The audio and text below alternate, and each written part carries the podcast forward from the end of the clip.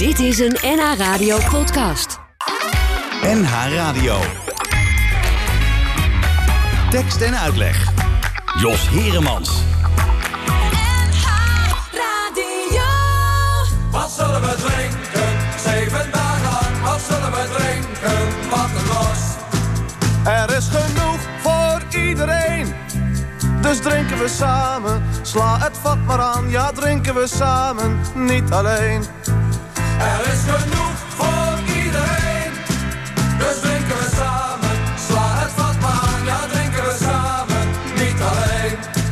Dan zullen we werken. Zeven dagen lang. Dan zullen we werken voor elkaar. Dan zullen we werken. Zeven dagen lang. Ja, zullen we werken voor elkaar. Dan is er werk voor iedereen. Dus werken we samen. Zeven dagen lang. Ja, werken we samen. Niet alleen. Dan is werk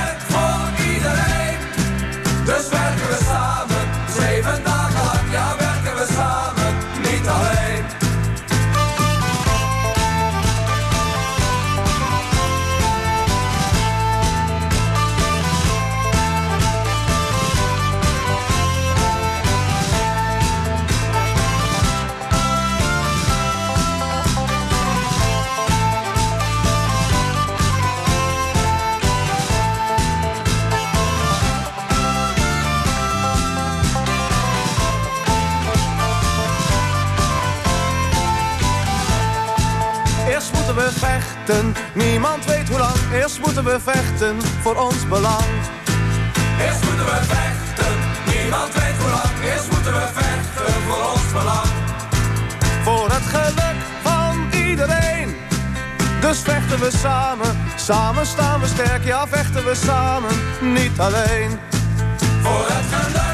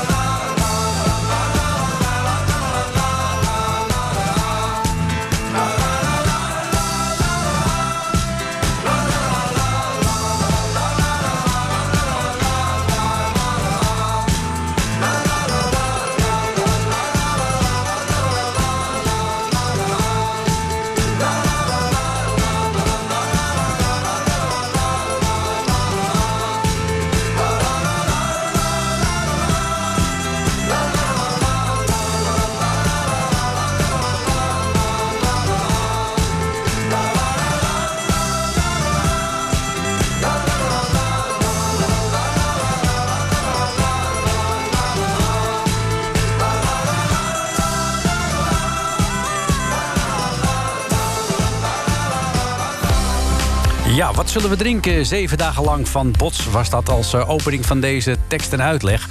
En dat eh, doen we niet eh, zomaar, want in deze tekst en uitleg gaan we een uur lang praten over protestliederen. En we doen dat aan de hand van het boek Op de Vuist. Dat is uitgekomen, geschreven door Laurens Ham, die een speurtocht deed naar alle protestliederen in de Nederlandse liedzien, om het zo maar te noemen. En dan met name een beetje op het gebied van het alternatieve circuit en de popmuziek. En eh, met Laurens hebben wij nu verbinding via de, eh, zoals altijd, eh, magistrale verbinding via het internet. Goedemiddag, Laurens. Hi, goedemiddag. Daar ben je. Ja, jouw, jouw fascinatie voor het protestlied en het politieke lied. hoe is die zo gekomen? Die is eigenlijk gekomen doordat ik ehm, via een omwegje eh, aan nadenken ging over het protestliedje. Het is niet zo dat ik eh, een, een geschiedenis heb met, met protestliedjes, wel met muziek. Ik, ik ben al mijn hele leven lang muziekliefhebber, speel zelf ook eh, muziek en ben er helemaal mee opgevoed. Maar ik ben helemaal niet met het protestliedje opgevoed of opgegroeid. En ehm, ik ben op een gegeven moment een jaar of vier geleden aan een nieuw boek eh, gaan, eh, gaan werken. Ik werk op de Universiteit Utrecht en ik had eh, ruimte om aan een nieuw boek te gaan werken. Ja, maar je bent daar En geen portier, toch? Je bent, je, je- Eh, ik ben geen portier. Nee, Nee. Ik, ben, ik ben docent en onderzoeker eh, op de Universiteit Utrecht. Dus het is ook mijn werk om af en toe met een nieuw boek te komen. ja, want je zit ook in de, in, de literatuurwetenschap midden, die, in ja, die hoek, dus hè? ik, ik ben eigenlijk een Neerlandicus. Ik, ik eh, werk eh, eh, eh, ja, aan, aan, eh, bij moderne letterkunde, dus aan, aan literatuur normaal gesproken. Dus het ligt ook niet per se voor de hand voor mij om, eh, ehm, eh, ja, om met, met liedjes bezig te zijn. Maar ik was eigenlijk van plan toen eerst om een, liedje, om een boek over ehm, eh, politieke poëzie te gaan maken. Ik werk graag met politieke teksten, vind ik heel leuk. Als ik, ja, ik ga iets met politieke poëzie doen. Tot ik ineens dacht, ja, poëzie. Ik wilde er graag een publieksboek van maken voor een groter, voor een groter lezerspubliek. Toen dacht ik, ja, hoeveel mensen in Nederland zijn er in ehm, gepubliceerde dichtbundels geïnteresseerd? Niet zo gek veel. Misschien kan ik het toch beter anders aanpakken. En toen dacht ik, als ik nou eens ga uitzoeken hoe het eigenlijk met protestliedjes zit, daar weet ik eigenlijk heel weinig van. Misschien is daar ook wel iets te halen. En toen ben ik daar ingedoken en het was echt ongelooflijk hoeveel er boven kwam. Echt eh, ja, heel, heel inspirerend ook. Hoe, eh, hoe, hoe- hoeveel onbekende pareltjes we hebben in de Nederlandse geschiedenis. Ja, nu ben jij natuurlijk eh, wetenschapper, dus we moeten dit ook even een beetje analytisch aanpakken. En dan beginnen we natuurlijk Zeker. met de definitie van het protestlied. Ja, daar heb je meteen iets hoor. Dat, eh, daar heb ik heel veel over nagedacht natuurlijk de afgelopen jaren. Van waar ligt nou de grens? En wanneer is iets nou een protestlied? Dus je hebt, hè, de Vandalen zegt zoiets van een lied waarin eh, eh, protest wordt aangetekend tegen maatschappelijke misstanden. Maar ja, wat zijn maatschappelijke misstanden? Dat is dan weer de vraag. Hè? En wanneer wordt eigenlijk protest aangetekend? Een heel interessant voorbeeld. ehm, eh, de Scene heeft het overbekende liedje Iedereen is van de wereld. Volgens de, de mensen van de Scene zelf is dat helemaal geen protestlied. Die zeggen van ja, we hebben dat lied ooit geschreven omdat we een liedje wilden maken over de fanbase van de Truckende Keks. Dat waren eigenlijk allemaal een beetje Einzelgangers. Aha. En in dat liedje zit het gevoel van Einzelgangers eh, opgesloten. Dus dat is helemaal geen protestlied. Maar ja, zegt Telau ook, hè, de voorman van de scene. Het is wel een protestlied geworden. Want mensen zijn het zo gaan gebruiken bij antiracisme-protesten... dat het eigenlijk daarover gaat. Dus uiteindelijk kwam ik toch vooral op de definitie uit... dat een protestlied een lied is dat de functie gaat vervullen in de maatschappij van protest. En dat kan dus ook betekenen tegen de ja, bedoeling van de maker in... Of tegen de eerste bedoeling van de maker in. Hè? Dus mag ik dan bij jou van Claudia de Brij... is langzaam ook een protestlied geworden.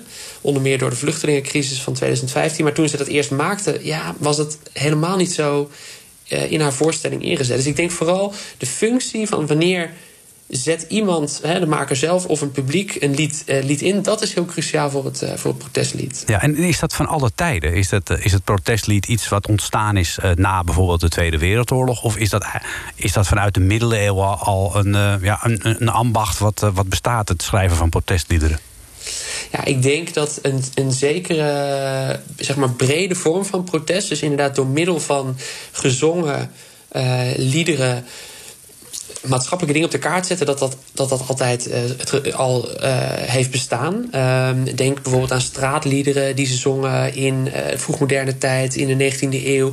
Dat waren vaak liedjes die over de actualiteit van de dag gingen en soms ook tegen de machthebbers gericht waren. En ehm, dat was ook nog een, een vraag waar ik voor kwam te staan. Hoe ver ga ik terug in de tijd? Hè? Ga ik diep de 19e eeuw induiken of nog verder?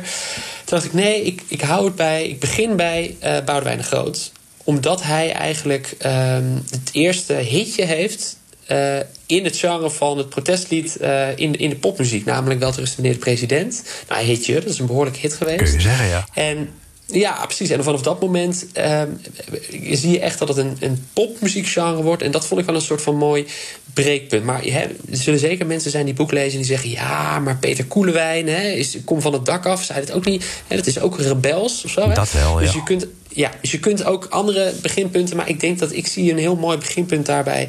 Boudewijn de Groot in de jaren 60. En ik wilde ook graag ongeveer een halve eeuw bestrijken. Dus dacht ik, nou, doe ik mooi vanaf 1966 tot eh, pakweg eh, 2020, ja. Nou, eh, als jij eh, Boudewijn de Groot een mooi beginpunt vindt, eh, dan beginnen wij daar ook mee. Super.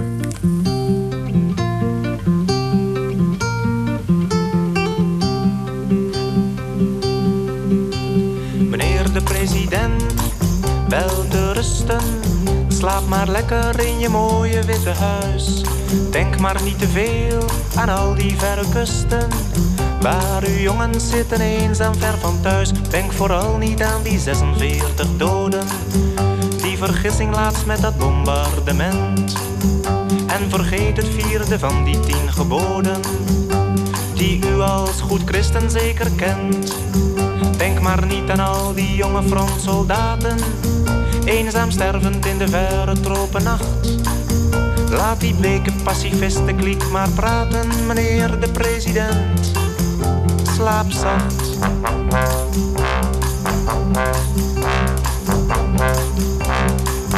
Droom maar van de overwinning en de zegen. Droom maar van uw mooie vredesideaal. Dat nog nooit door bloedig moorden is verkregen. Droom maar dat het u wel lukken zal ditmaal. Denk maar niet aan al die mensen die verrekken. Hoeveel vrouwen, hoeveel kinderen zijn vermoord. Droom maar dat u aan het langste eind zult trekken. En geloof van al die tegenstand geen woord. Bajonetten met bloedige gevesten houden ver van hier op uw bevel de wacht. Westen, meneer de president. Slaap zacht. Schrik maar niet te erg wanneer u in uw dromen al die schuldeloze slachtoffers ziet staan. Die daar ginds bij het gevecht zijn omgekomen. En u vragen hoe lang dit nog zo moet gaan. En u zult toch ook zo langzaamaan wel weten. Dat er mensen zijn die ziek zijn van geweld. Die het bloed en de ellende niet vergeten. En voor wie nog steeds een mensenleven telt. Droom maar niet te veel van al die dode mensen. Droom maar fijn van overwinning en van macht. Denk maar niet aan al die vredeswensen, meneer de president. Slaap zacht. Tekst en uitleg. Tekst en uitleg. Met Jos Heremans. Jos Heremans. Ja, het begin eh, van eh, de protestliederen in eh, de jaren 60. eh, zo ook beschreven in het boek Op de Vuist van Laurens Ham. Het ligt in de, de boekwinkels, uitgegeven door Ambo Antos. En Laurens Ham, daar spreken wij de- dit uur mee in tekst en uitleg. Het beginpunt Boudewijn de Groot. Was het echt zo nieuw, Boudewijn de Groot hier? Of heeft hij het een beetje overgenomen van de Donovans Ja. en de Bob Dylans? Ja, dat, eh, nee, dat eh, zeker wel hoor. Dus je ziet, eh, voordat hij meneer de president opneemt en uitbrengt als single in, in eh, 1966, brengt hij al een, een cover uit, Zomaar een Soldaat. Een, een nummer eigenlijk van Buffy St. Marie, Universal Soldier heet het in het, in het Engels. Ehm, uitgebracht ook door Donovan. En die versie eh, was echt een joekel van een hit. Niet alleen in Nederland natuurlijk, maar ook eh, ja, in het Engelstalige taalgebied onder meer. En toen begonnen, toen sprongen eh, tegelijkertijd vier verschillende eh, muzikanten daarop. eh, onder wie Gerard Vries, Cowboy Gerard. bekend van zijn spraak, spreekzingende liedjes. Hè. Ja, met de- het spel de- kaart is, ja, is heel onder bekend andere, van hem. ja. Ja, en and hij heeft ook dus zomaar... Precies, hij heeft ook zomaar een soldaat is, opgenomen. Dat heet bij hem, ehm, heet het inderdaad zomaar een soldaat. Don Mercedes, een Utrechtse zanger. En ook Boudewijn de Groot. En die neemt het dan volgens mij op als de eeuwige soldaat, als ik het goed heb. Eh, en dat werd een soort van hitje. En ja, dat, er kwam een soort interesse in Nederland van... hé, hey, verrek, dat protestliedje. En ja, Dylan landde natuurlijk ook goed. En eigenlijk, ja, sprongen Lennart Nijg en eh Boudewijn de Groot... eh, in dat gat dat was ontstaan. En op de eerste plaat van Boudewijn de Groot, de eerste LP... staat dus wel te meneer de president... maar ook een hele rits covers. Hè? Dus ook bijvoorbeeld nummers van Donovan. Er staat ook The Sound of Silence staat ook gecoverd Oh. van Simon Garfunkel. ja. Ehm, dus, dus hij zat sowieso heel erg in die... eh, er komen andere tijden. Hè? Dus dat is zijn cover van, van Dylan.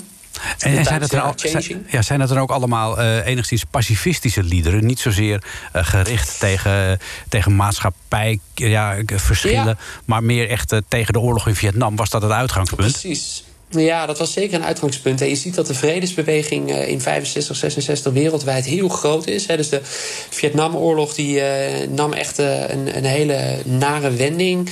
De, de gevechtsintensiteit zeg maar, nam toe. En over de hele wereld begonnen mensen te protesteren. Zeker natuurlijk ook in Amerika. En Nederland springt daar eigenlijk bovenop. En een vredesbeweging die nog heel klein was in Nederland... die wordt dan in één keer ja, toch wel wat massaler. En eh, ja, daar sluiten al die liederen bij aan. Dus inderdaad, het is niet zozeer eh, politieke kritiek tegen de bijvoorbeeld Nederlandse machthebbers gericht. Het is echt uh, ja, uh, vroege vredesbeweging inderdaad. Ja, en dat was dus gericht zeg maar, meer op de buitenlandse politiek. Maar was er in Nederland ook een beweging gaande die zich ja, een protestgeneratie zou kunnen noemen? Dan denk ik bijvoorbeeld aan Provo. Ja, ja, Provo is een heel interessant voorbeeld. Uh, het, mooie is, uh, Boudewijn de Groot die is een beetje verknoopt uh, met Provo. Dus een van de vroegste optredens waarop hij, Boude, waarop hij Boudewijn de Groot dus welterusten meneer de president heeft uitgevoerd... was een, een Noord-Hollands festival. namelijk een, een, festival in, in Zaandam. Het, de Nacht van de Protestsong in 1966, in maart 1966. Uh, toen stond hij in een circus tent van Tony Een bekende circus in die tijd, uh, dat liedje uit te voeren. En dat, was dus, dat laat eigenlijk zien dat Provo dus ook interesse had voor wat Boudewijn de Groot deed. Maar los daarvan waren er ook andere mensen die een beetje Provo-achtige dingetjes deden in de protestmuziek. Dus je had, een, zeker in 66, had je wel een generatietje van mensen. Hè. Denk aan Peter J. Muller bijvoorbeeld. Die heeft het uh, beetje cultliedje uh, Beter langharig dan kortzichtig gemaakt uh, in die Ah, tijd. Ja, ken ik nog wel. Dat ja. is, ja, dat is ook diezelfde, diezelfde tijd. En die kreet is ook nog wel een beetje bekend gebleven. Uh, dus, dus je ziet wel dat Provo uh, ja, beetje bij beetje ook wat Nederlandstalig protest uh, gaat, gaat meenemen. Ja, het was niet heel activistisch, hè? Het, het, was meer een beetje, nee. beetje laid back allemaal. Ja, het zat eigenlijk, het was ook vrij ironisch. Hè? Dus dat, dat, dat is sowieso denk ik wel kenmerkend voor het Nederlandse protestliedje. Het zijn vaak ja, de ironie is nooit ver weg. dat is heel gek. Uh, misschien ook wel iets typisch Nederlands. Uh, en dat zie je zeker ook in de jaren 60, dat je denkt: ja, weet je, is het nou echt vlijmscherpe kritiek? Ja, dat kun je je afvragen. Wat dat betreft zijn de jaren 70 en de jaren van Bots, die we helemaal in het begin even hoorden, dat zijn toch wel wat, ja, die, die zijn iets eenduidiger met, met wat hardere, stevige politieke kritiek, denk ik. Maar misschien heeft dat ook wel te maken met, uh, met de tijdgeest, dat het, de tijd in de ja. jaren 70 uh, wat harder werd ook en de verschillen in de maatschappij. Ja, je ziet dat het spel er een beetje afraakt. Hè. Dus in, in, in de provo's waren echt, die wilden eigenlijk uh, overal een lolletje van maken. Je hebt hm. het, uh, het nummer uh, Ken je nagaan met dubbel J van, van de groep Het. vooral bekend van Ik heb geen zin om op te staan. En dat is gespeld, hè, dus K-E-J-J uh, ken je nagaan. En dat, dat verwijst eigenlijk naar een Provo-verkiezingsposter. Stem Provo, ken je lachen.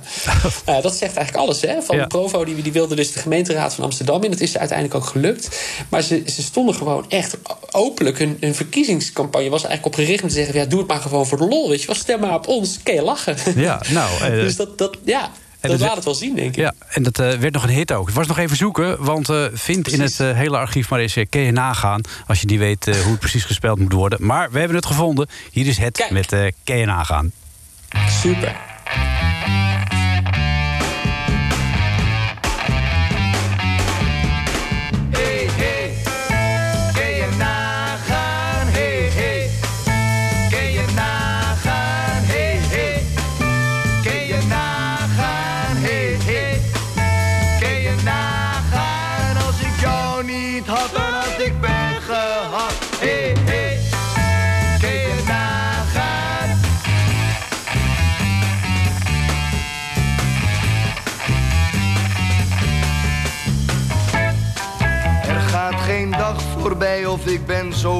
Zo reuze blij, zo blij dat jij voor mij een ei bakt.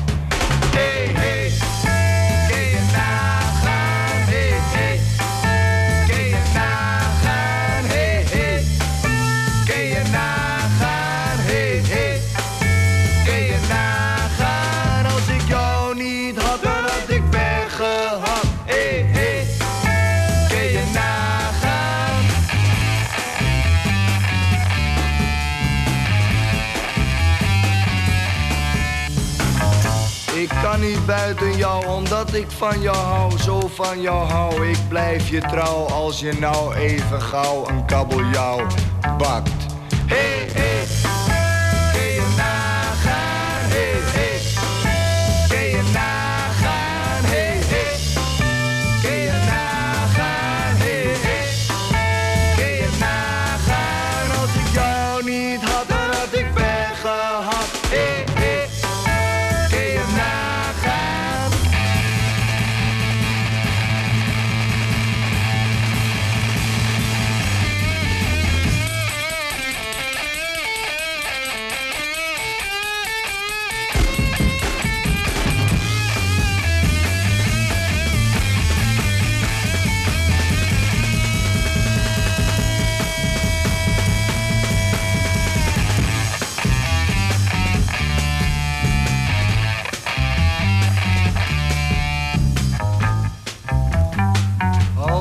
Ik in de hemel was. Zo voelde ik me in mijn sas, zo in mijn sas. Toen jij mijn picknickglas, mijn picknickdas, mijn picknickjas... in die picknickplas tussen het picknickgras kwakte.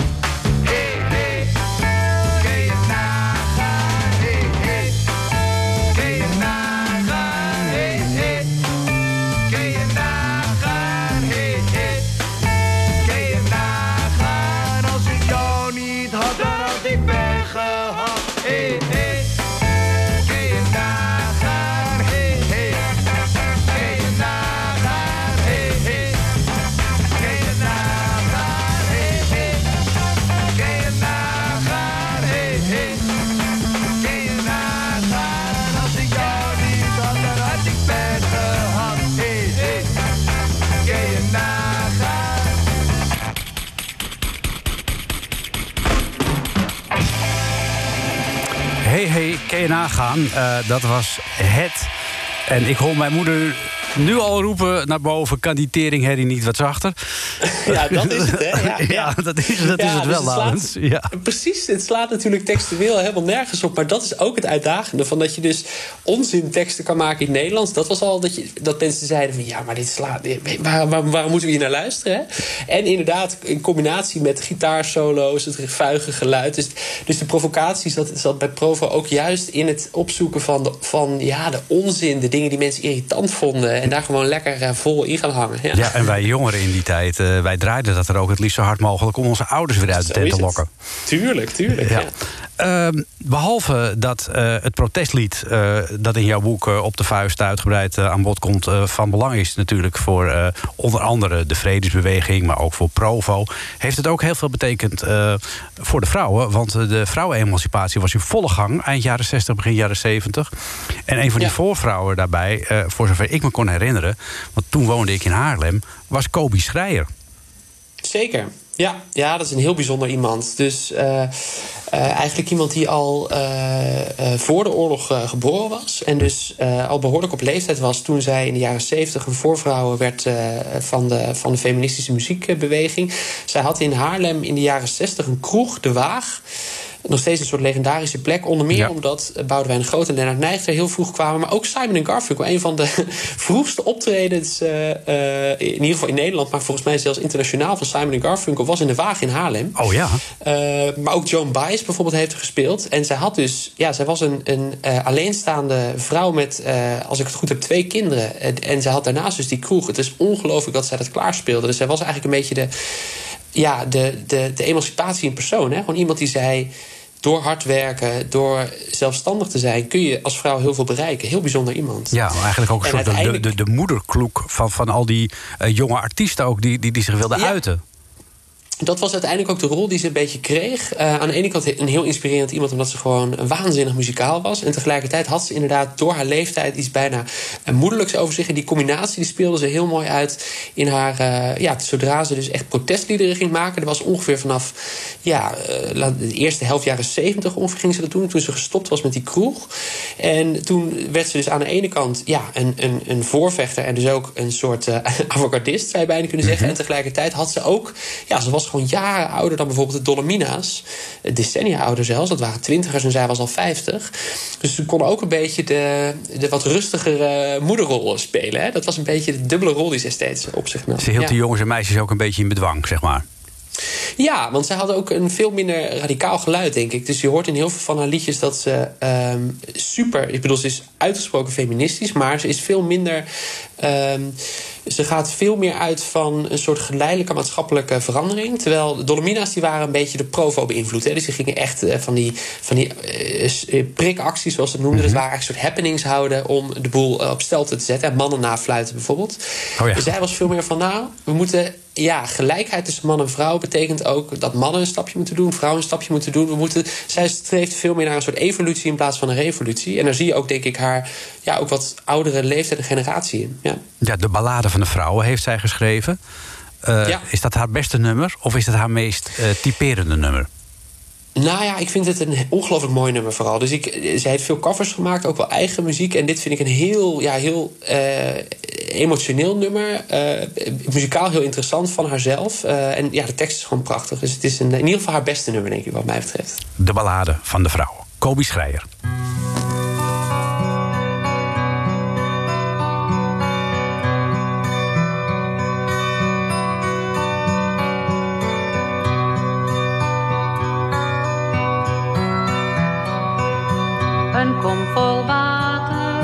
Een test met vuur. Krimpen in barensnood, werken op land. Borsten vol melk om de kleinen te zogen. Dat was voor eeuwen het leven van vrouwen. Het leven behoeden, rustig en troostende naam.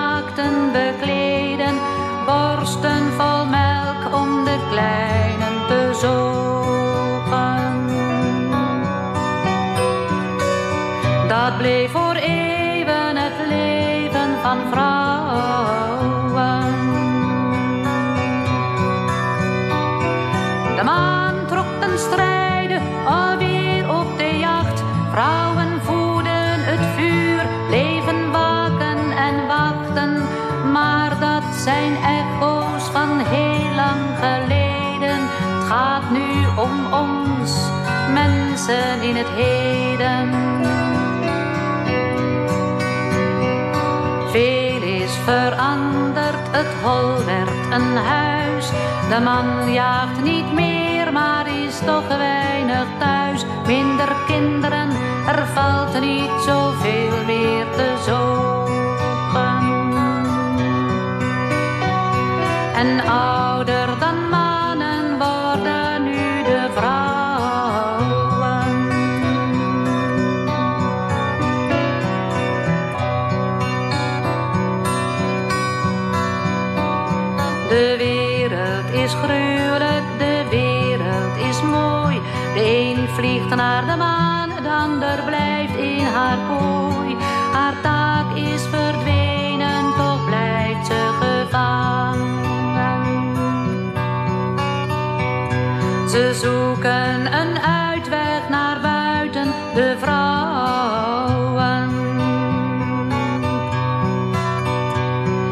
Maar iedere uitweg zit in jezelf.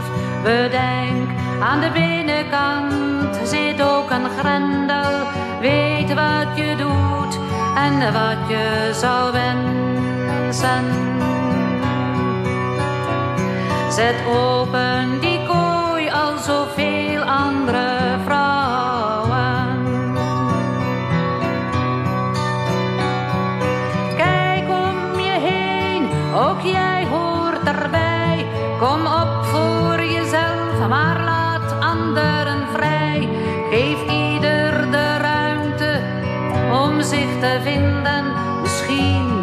worden mannen en vrouwen nog vrienden. Voor dorstigen water, voor verkleumden wat vuur. De schatten der aard voor zoveel te duur. Proberen de wereld leefbaar te maken. Dat moeten we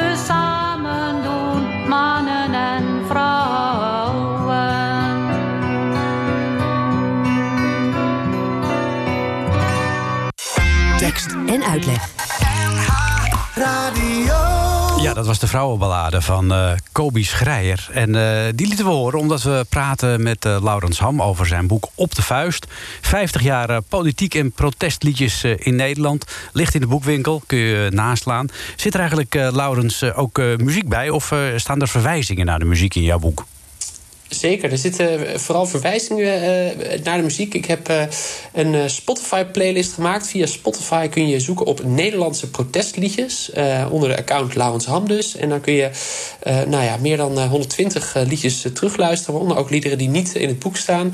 En de website protestliedjes.nl is online. En daar kun je ook een heel groot deel van um, de liedjes uit het boek vinden. Via YouTube-links. Dus je kunt eigenlijk het, bijna alles wat je in het boek terugleest, behalve dingen die helaas niet online staan en die door recht ook nog niet online uh, mogen, uh, kun je alles uh, terugluisteren. Kijk, dat is mooi. Dan heb je niet alleen een boek, maar je hebt ook nog veel meer vertier daarna nog.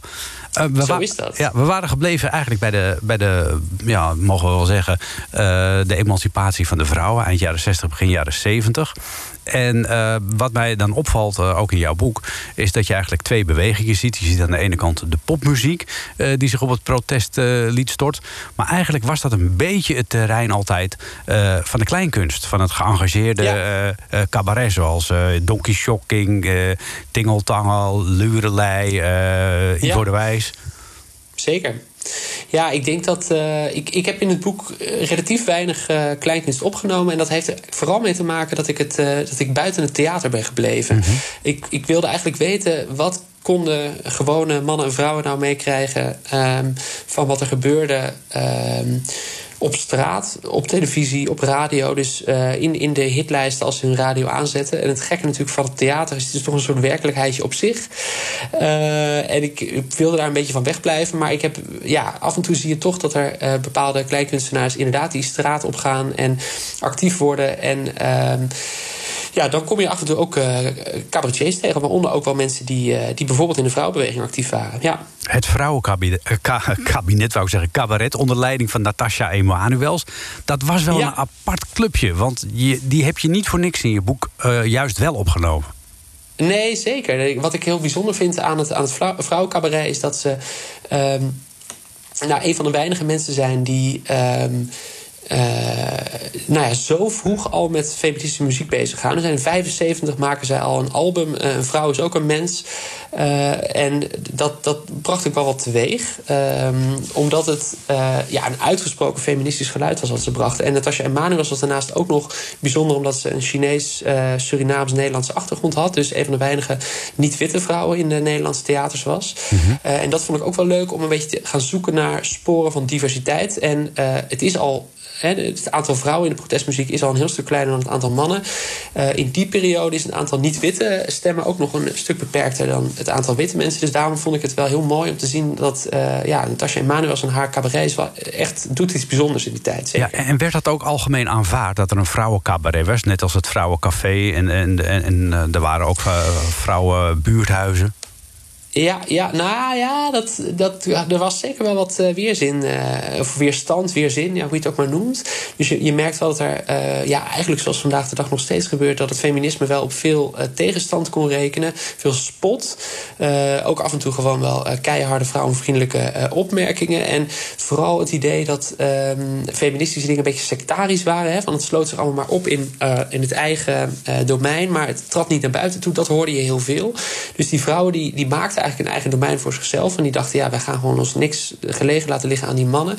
Maar ja, daar hadden veel mannen wel, wel moeite mee. Dus ik moet wel toegeven dat het uh, mede daarom ook moeilijk zoeken is naar die dingen. Want ze zijn gewoon buiten hun eigen circuit om uh, niet zo gek goed uh, verspreid en besproken geweest. Ja, hier en daar valt er nog terug te vinden. Ik heb nog een oude LP gevonden van het vrouwencabaret. Daar staat onder andere het liedje Kindjes van Van Acht op. Dat gaat onder andere over abortus. Daar kunnen ze in Polen tegenwoordig ja. nog steeds wat van leren denk ik. Zeker, ja. Ja, dat is wel bijzonder eigenlijk. Want dat, dat liedje is dus gericht tegen Dries van Acht... die toen nog uh, minister van Justitie was... en die een uh, restrictief abortusbeleid wilde invoeren. Uiteindelijk heeft hij er mede voor gezorgd... Um, dat er... nou, tijdens zijn kabinet, toen hij eenmaal premier werd... en ook daarna is er dus de huidige abortuswetgeving ingevoerd. En het bijzondere was, die was toen voor radicale feministen... helemaal niet um, liberaal genoeg... En nu eh, wordt hij juist weer door verschillende groepen te liberaal gevonden. Hè. Dus er wordt vaak gezegd, nou, nou, hè, moet je wel zo makkelijk eh, abortus kunnen plegen. En ja, de, feministen van toen die zeiden, dit is eigenlijk helemaal niet waar we naartoe willen. Er wordt veel te veel bedenktijd gegeven aan vrouwen. Andere mannen krijgen er ook zeggenschap over. De dokter bijvoorbeeld, of de, de abortusarts die het moet uitvoeren. Ehm, dus ja, je ziet dat er echt een hele strijd over die abortus... en de, de rechten van de vrouw daarin werd gevoerd. Nou, dat lied eh, gaan we nu eh, beluisteren. Eh, de kindjes van Van Acht door het Vrouwencabaret.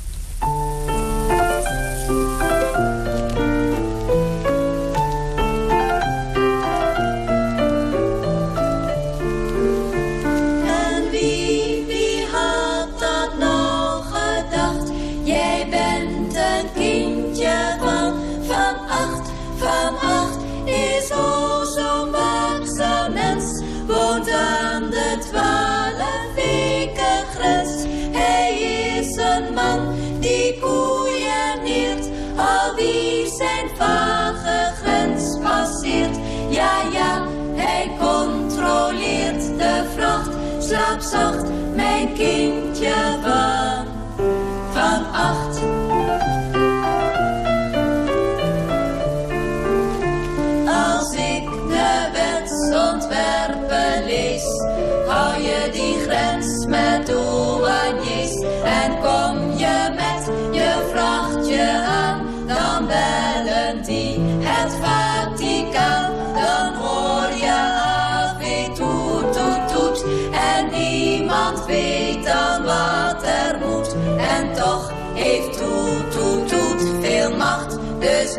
Weer kindjes van, van acht.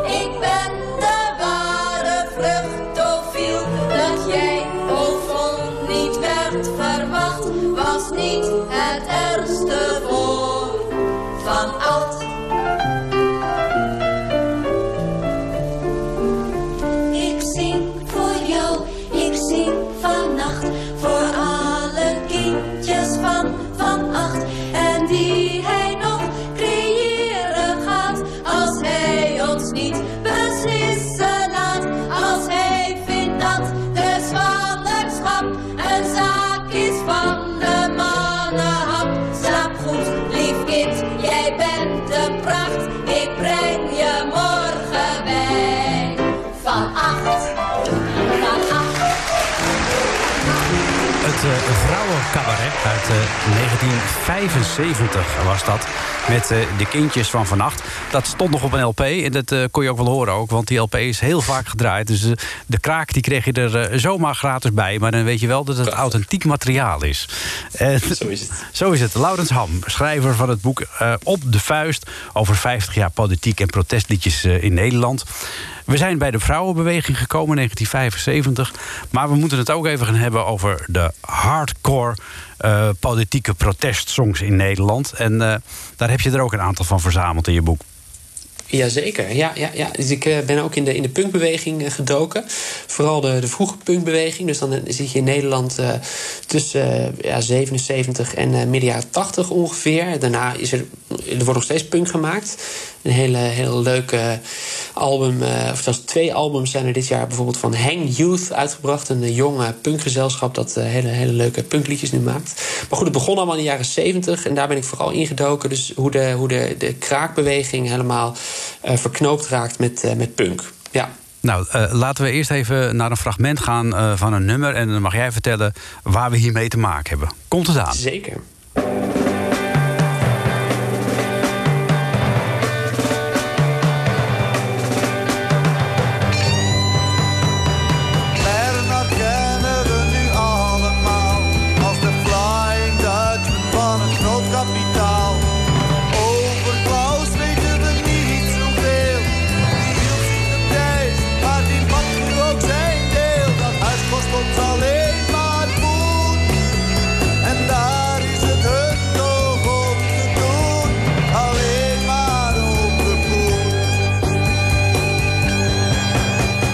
Nou, vertel maar. Wat, eh, wat is dit? Wat is dit? Ja, dat is het nummer Beatrix met CKS van, uh, van Vollenhoven and His Royalties. Uh, uiteraard een verwijzing naar Pieter van Vollenhoven. En, een liedje dat in 1980 werd uitgebracht in de context van een, een, een anarchistisch gezelschap. Uh, dat zich uh, verzamelde rondom het tijdschrift Gramschap. Dat was een soort uh, dus die bracht af en toe een, nummer uit. gestenceld en wel, dat deden ze allemaal zelf. helemaal in de mores van, van de punk, do it yourself. En wat ze daarin deden was een soort combinatie van best wel vernieuwende poëzie en muziek uitbrengen. Dus dat er regelmatig een plaatje bij, bijvoorbeeld dit plaatje dus. En, um, en tegelijkertijd echt harde politieke kritiek. ja, dus tegen het woningbeleid, tegen de monarchie, tegen de partijpolitiek en ja, zij waren uiteraard ook erbij toen dus in, uh, vroeg in 1980 werd aangekondigd dat Beatrix uh, ingehuldigd zou worden als koningin. En ze sprongen meteen op de trein, net als meer punk- en post-punk muzikanten. En zij maakten dit singeltje dat het heel goed deed op 30 april 1980. en dat, ja, dit begint dus eigenlijk een beetje als een combinatie van een smartlap en een rocknummer. Een heel raar begin. En het loopt uit op een waanzinnige gitaarsolo, minutenlang. je kunt het online en ook op mijn site uh, terugluisteren. Dus dat zou ik uh, zeker eventjes gaan doen, want het is echt een waanzinnig nummer. Beatrix van uh, Vollenhoven en his royalties. zeker. Je, je, noemde net al Gramschap. Grams, ja. Gramschap, dat, dat was een, een groep die, die ook pamfletten uitgaf. Dat, dat zat een beetje in de Zaanstreken ook, hè? Ja, zij zaten uh, in ieder geval echt in. in uh, zij, zij gaven gramschap grappig genoeg uit. Volgens de, het colofon in de combinatie van Amsterdam en Aardenburg. Aardenburg ligt, ligt in Zeeland, geloof ik, Zeeuws-Vlaanderen. Ja, dat dacht ik ook, ja. Hoe, hoe, hoe, dat precies zat, weet ik ook niet. Maar ik heb, ik heb nog niet met, met de mensen gesproken daarachter. Dat zou ik eigenlijk nog wel eens heel leuk vinden. Dus mochten ze dit horen, dan neem vooral contact met me op. Ehm, maar, maar ze zaten. Ehm, oh, ze waren ook best wel georiënteerd op de Zaanstreek, inderdaad. En daar zaten met name in, in en om Wormer ook heel veel talentvolle muzikanten. Um, en uh, ze hadden in uh, uh, Schellingwoude ook een, en later ook in Amsterdam en nog weer later nog weer elders in Noord-Holland, ik weet even niet meer waar, hadden ze een, een studio. Mm Dolf Plantijd, uh, een van de geluidsmensen die achter had studio, uh, Jokus Koeienverhuurbedrijf. En die nam allerlei waanzinnig talentvolle muzikanten uit Noord-Holland op. En dat, ja, dat heeft hele bijzondere muziek opgeleverd. Ja, was dat een beetje ook de club waar die ex uh, bij zat en de Kift? Zeker, ja. ja dus, dus uiteindelijk is die ex werd ook onder meer daar opgenomen. Zat in hetzelfde circuit. drukwerk zat interessant genoeg in hetzelfde circuit. Hè. Dus het liedje Je loog tegen mij van, van drukwerk. Een soort van, ja, drukwerk heeft hele politieke liedjes gemaakt, maar dus ook smartlap gemaakt. die die mensen die, die zaten helemaal in hetzelfde uh, netwerkje. En, uh, en, en wie, wie er ook in dat netwerkje uh, zat, was inderdaad uiteindelijk de KIFT. Dus Dolf Plantijt is ook nu nog, voor zover ik weet, geluidsman van de KIFT en producer. Dus het is eigenlijk één Zaans kringetje van ja, eigenzinnige mensen die fantastische muziek gemaakt hebben. Ja, en daar past Verzet ook bij. Of, en Verzet ja. spellen we dan met V-E-R-Z en dan los ja. et. Dus uh, ja, het hele, gaat om een zekere ja, hele onbekende. zeker, ja. Het is een hele onbekende muzikant die, die één album heeft uitgebracht. Uh, dat ook uh, werd meegeleverd. Dus bij een van die gramschap-afleveringen. Miljoenen Magen heet dat album. Bijna niet aan te komen. Ehm, ja, dat is geweldige muziek. Het is, ook, het, het, is een beetje singer-songwriter, maar dan aangevuld met allerlei meer elektronische instrumenten. En het, ja, dat heeft hele bijzondere liedjes opgeleverd. Dus er is een, een heruitgave van gramschapnummers gekomen. en en daarin zeggen ze ook: deze hele plaat moet een keertje integraal opnieuw worden uitgebracht. Daar ben ik het helemaal mee eens. Dus ik, iemand moet dat een keertje uh, gaan doen, wat mij betreft. Ja, en misschien doe jij dat wel. Nou ja, als het kan. Uh, ik ben helaas geen producer, maar als iemand mij een handje wil toesteken, dan, uh, dan ah. werk ik er met veel plezier aan mee. Ja. Wij gaan luisteren naar Verzet met Moeder.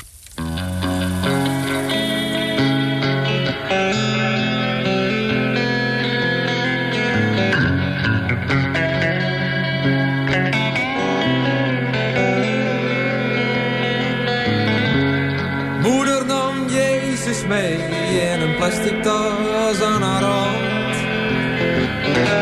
De renner uit Bethlehem, op de doos stond mede in Taiwan. Zo keken wij een kerstmis lang naar een kraakpand onder een boom. En zo keken zij een kerstmis lang naar de tros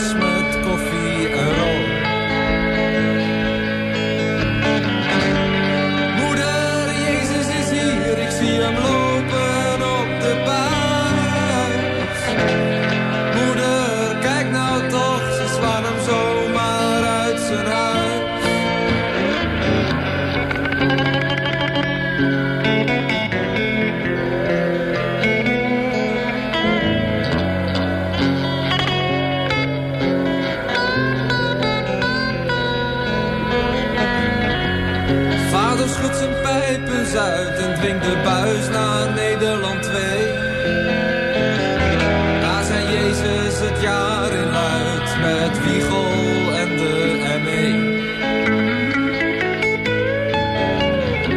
En zo keken wij een goed jaar lang naar het onrecht op de buis. En zo keken zij een goed jaar lang onschuldig, veilig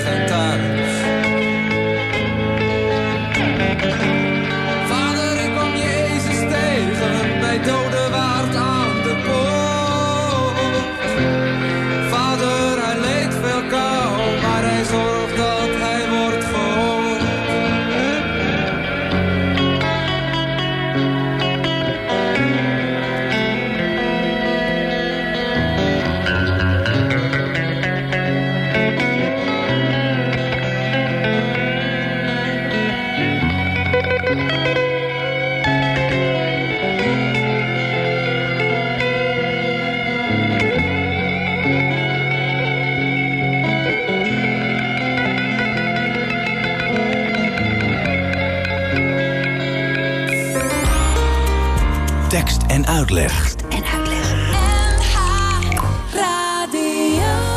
En deze tekst en uitleg eh, staat helemaal eh, in het teken van eh, 50 jaar politiek en protestliedjes eh, in Nederland. Eh, En dat doen we naar aanleiding van het boek van Laurens Ham. Het boek heet Op de Vuist, is uitgegeven door eh, Ambo Antos.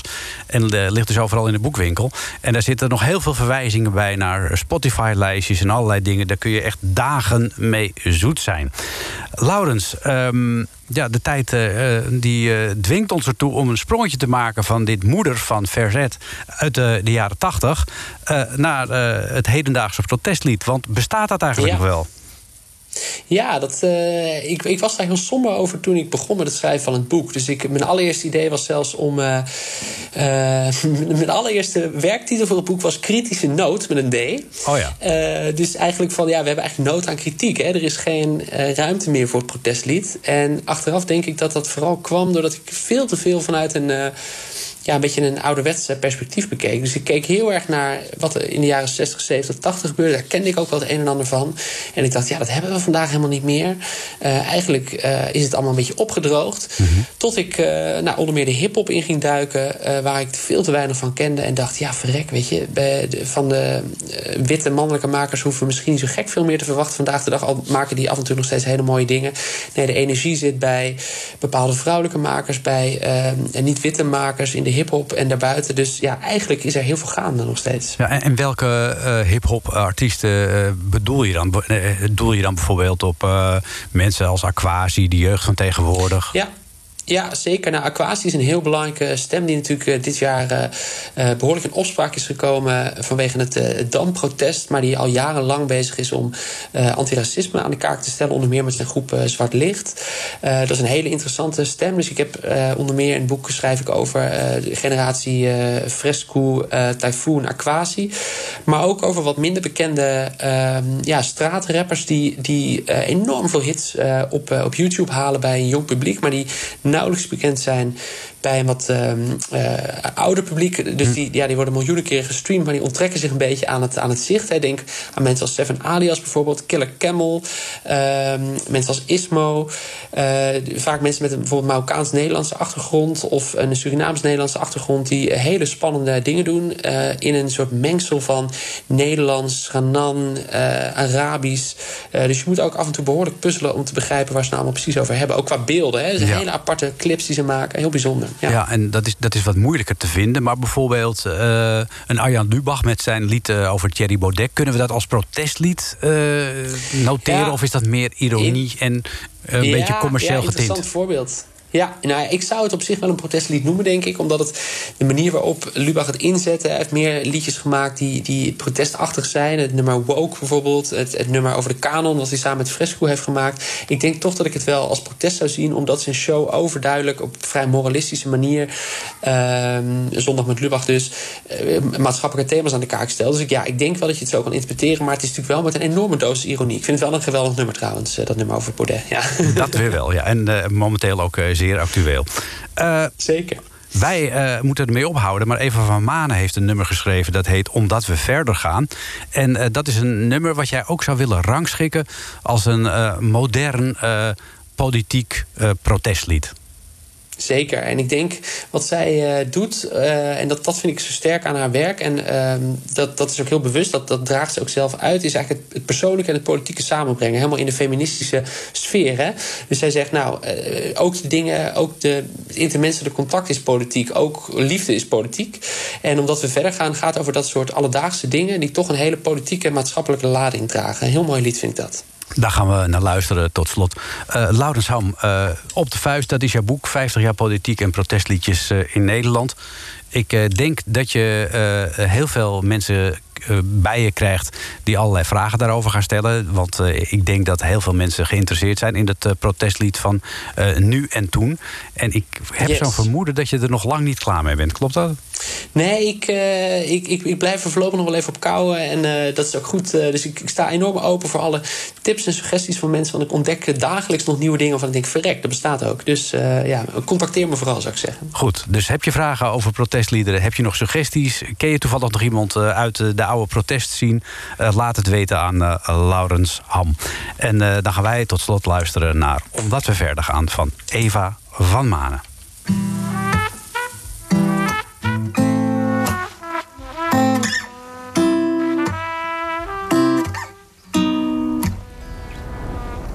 Metro's rijden door de nacht voorbij, ik wacht op iets. Ik heb het opgeschreven, maar weer doorgekrast. Last van de last, ik wacht op iets. Jij kijkt me aan en zegt dat ik wel de woorden heb. Als ik zeg dat nu ik steeds beter weet wat mijn mening is, ik steeds meer in de stilte wegglijd. Je hebt gelijk, richting overkomt je niet. Je kiest ervoor welke zet, welke deur je open doet. Na elke keuze leef je door. En alles stroomt binnen oevers die je zelf bouwt.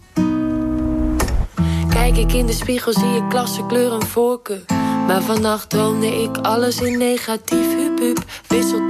Hoe zou het zijn geweest als alles andersom was gelopen? Wie zou er dan in de PC hoofd kopen? Waren de grenzen en waren ze open? Had een ander in de scheepvaart voorop gelopen? Hoe was het hier dan gelopen? Ik zing dit voor jou,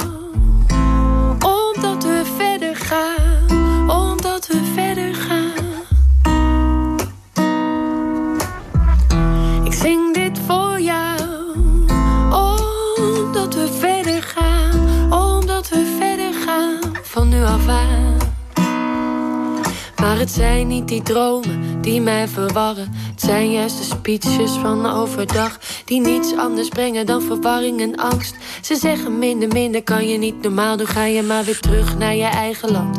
Stop de pers, stop de tijd. Elke stap vooruit blijkt er twee achteruit te zijn. Was het niet dit, nooit meer, nooit meer oorlog of wat zegt men ook alweer? Wij herdenken monumenten, met name je bent niet een nummer. Geloof nog je woonplaats onschuldig en toch het gebeurde, wij keurden het af. Maar wel pas achteraf toen het te laat was en toch is dat weten ons gegeven. Herinner je je afkeer van toen je nog klein was? Op reis naar Berlijn was en jij Anne Frank las en dacht, maar zij heeft toch niets gedaan.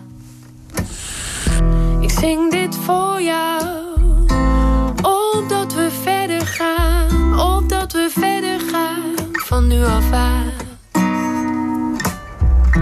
Ik zing dit voor jou,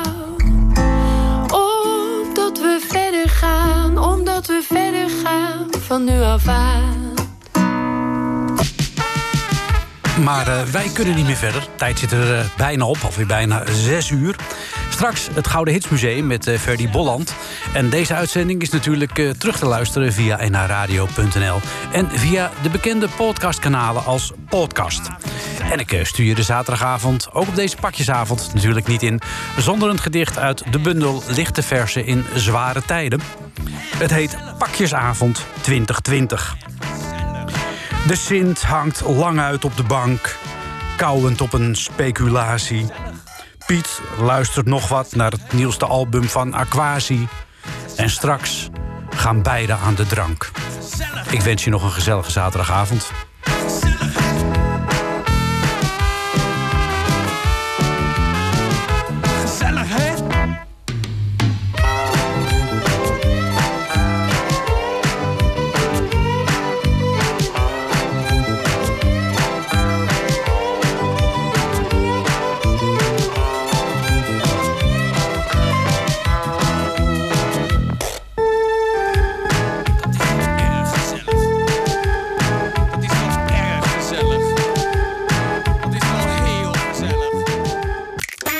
Was een NH Radio podcast. Voor meer, ga naar nhradio.nl. Radio.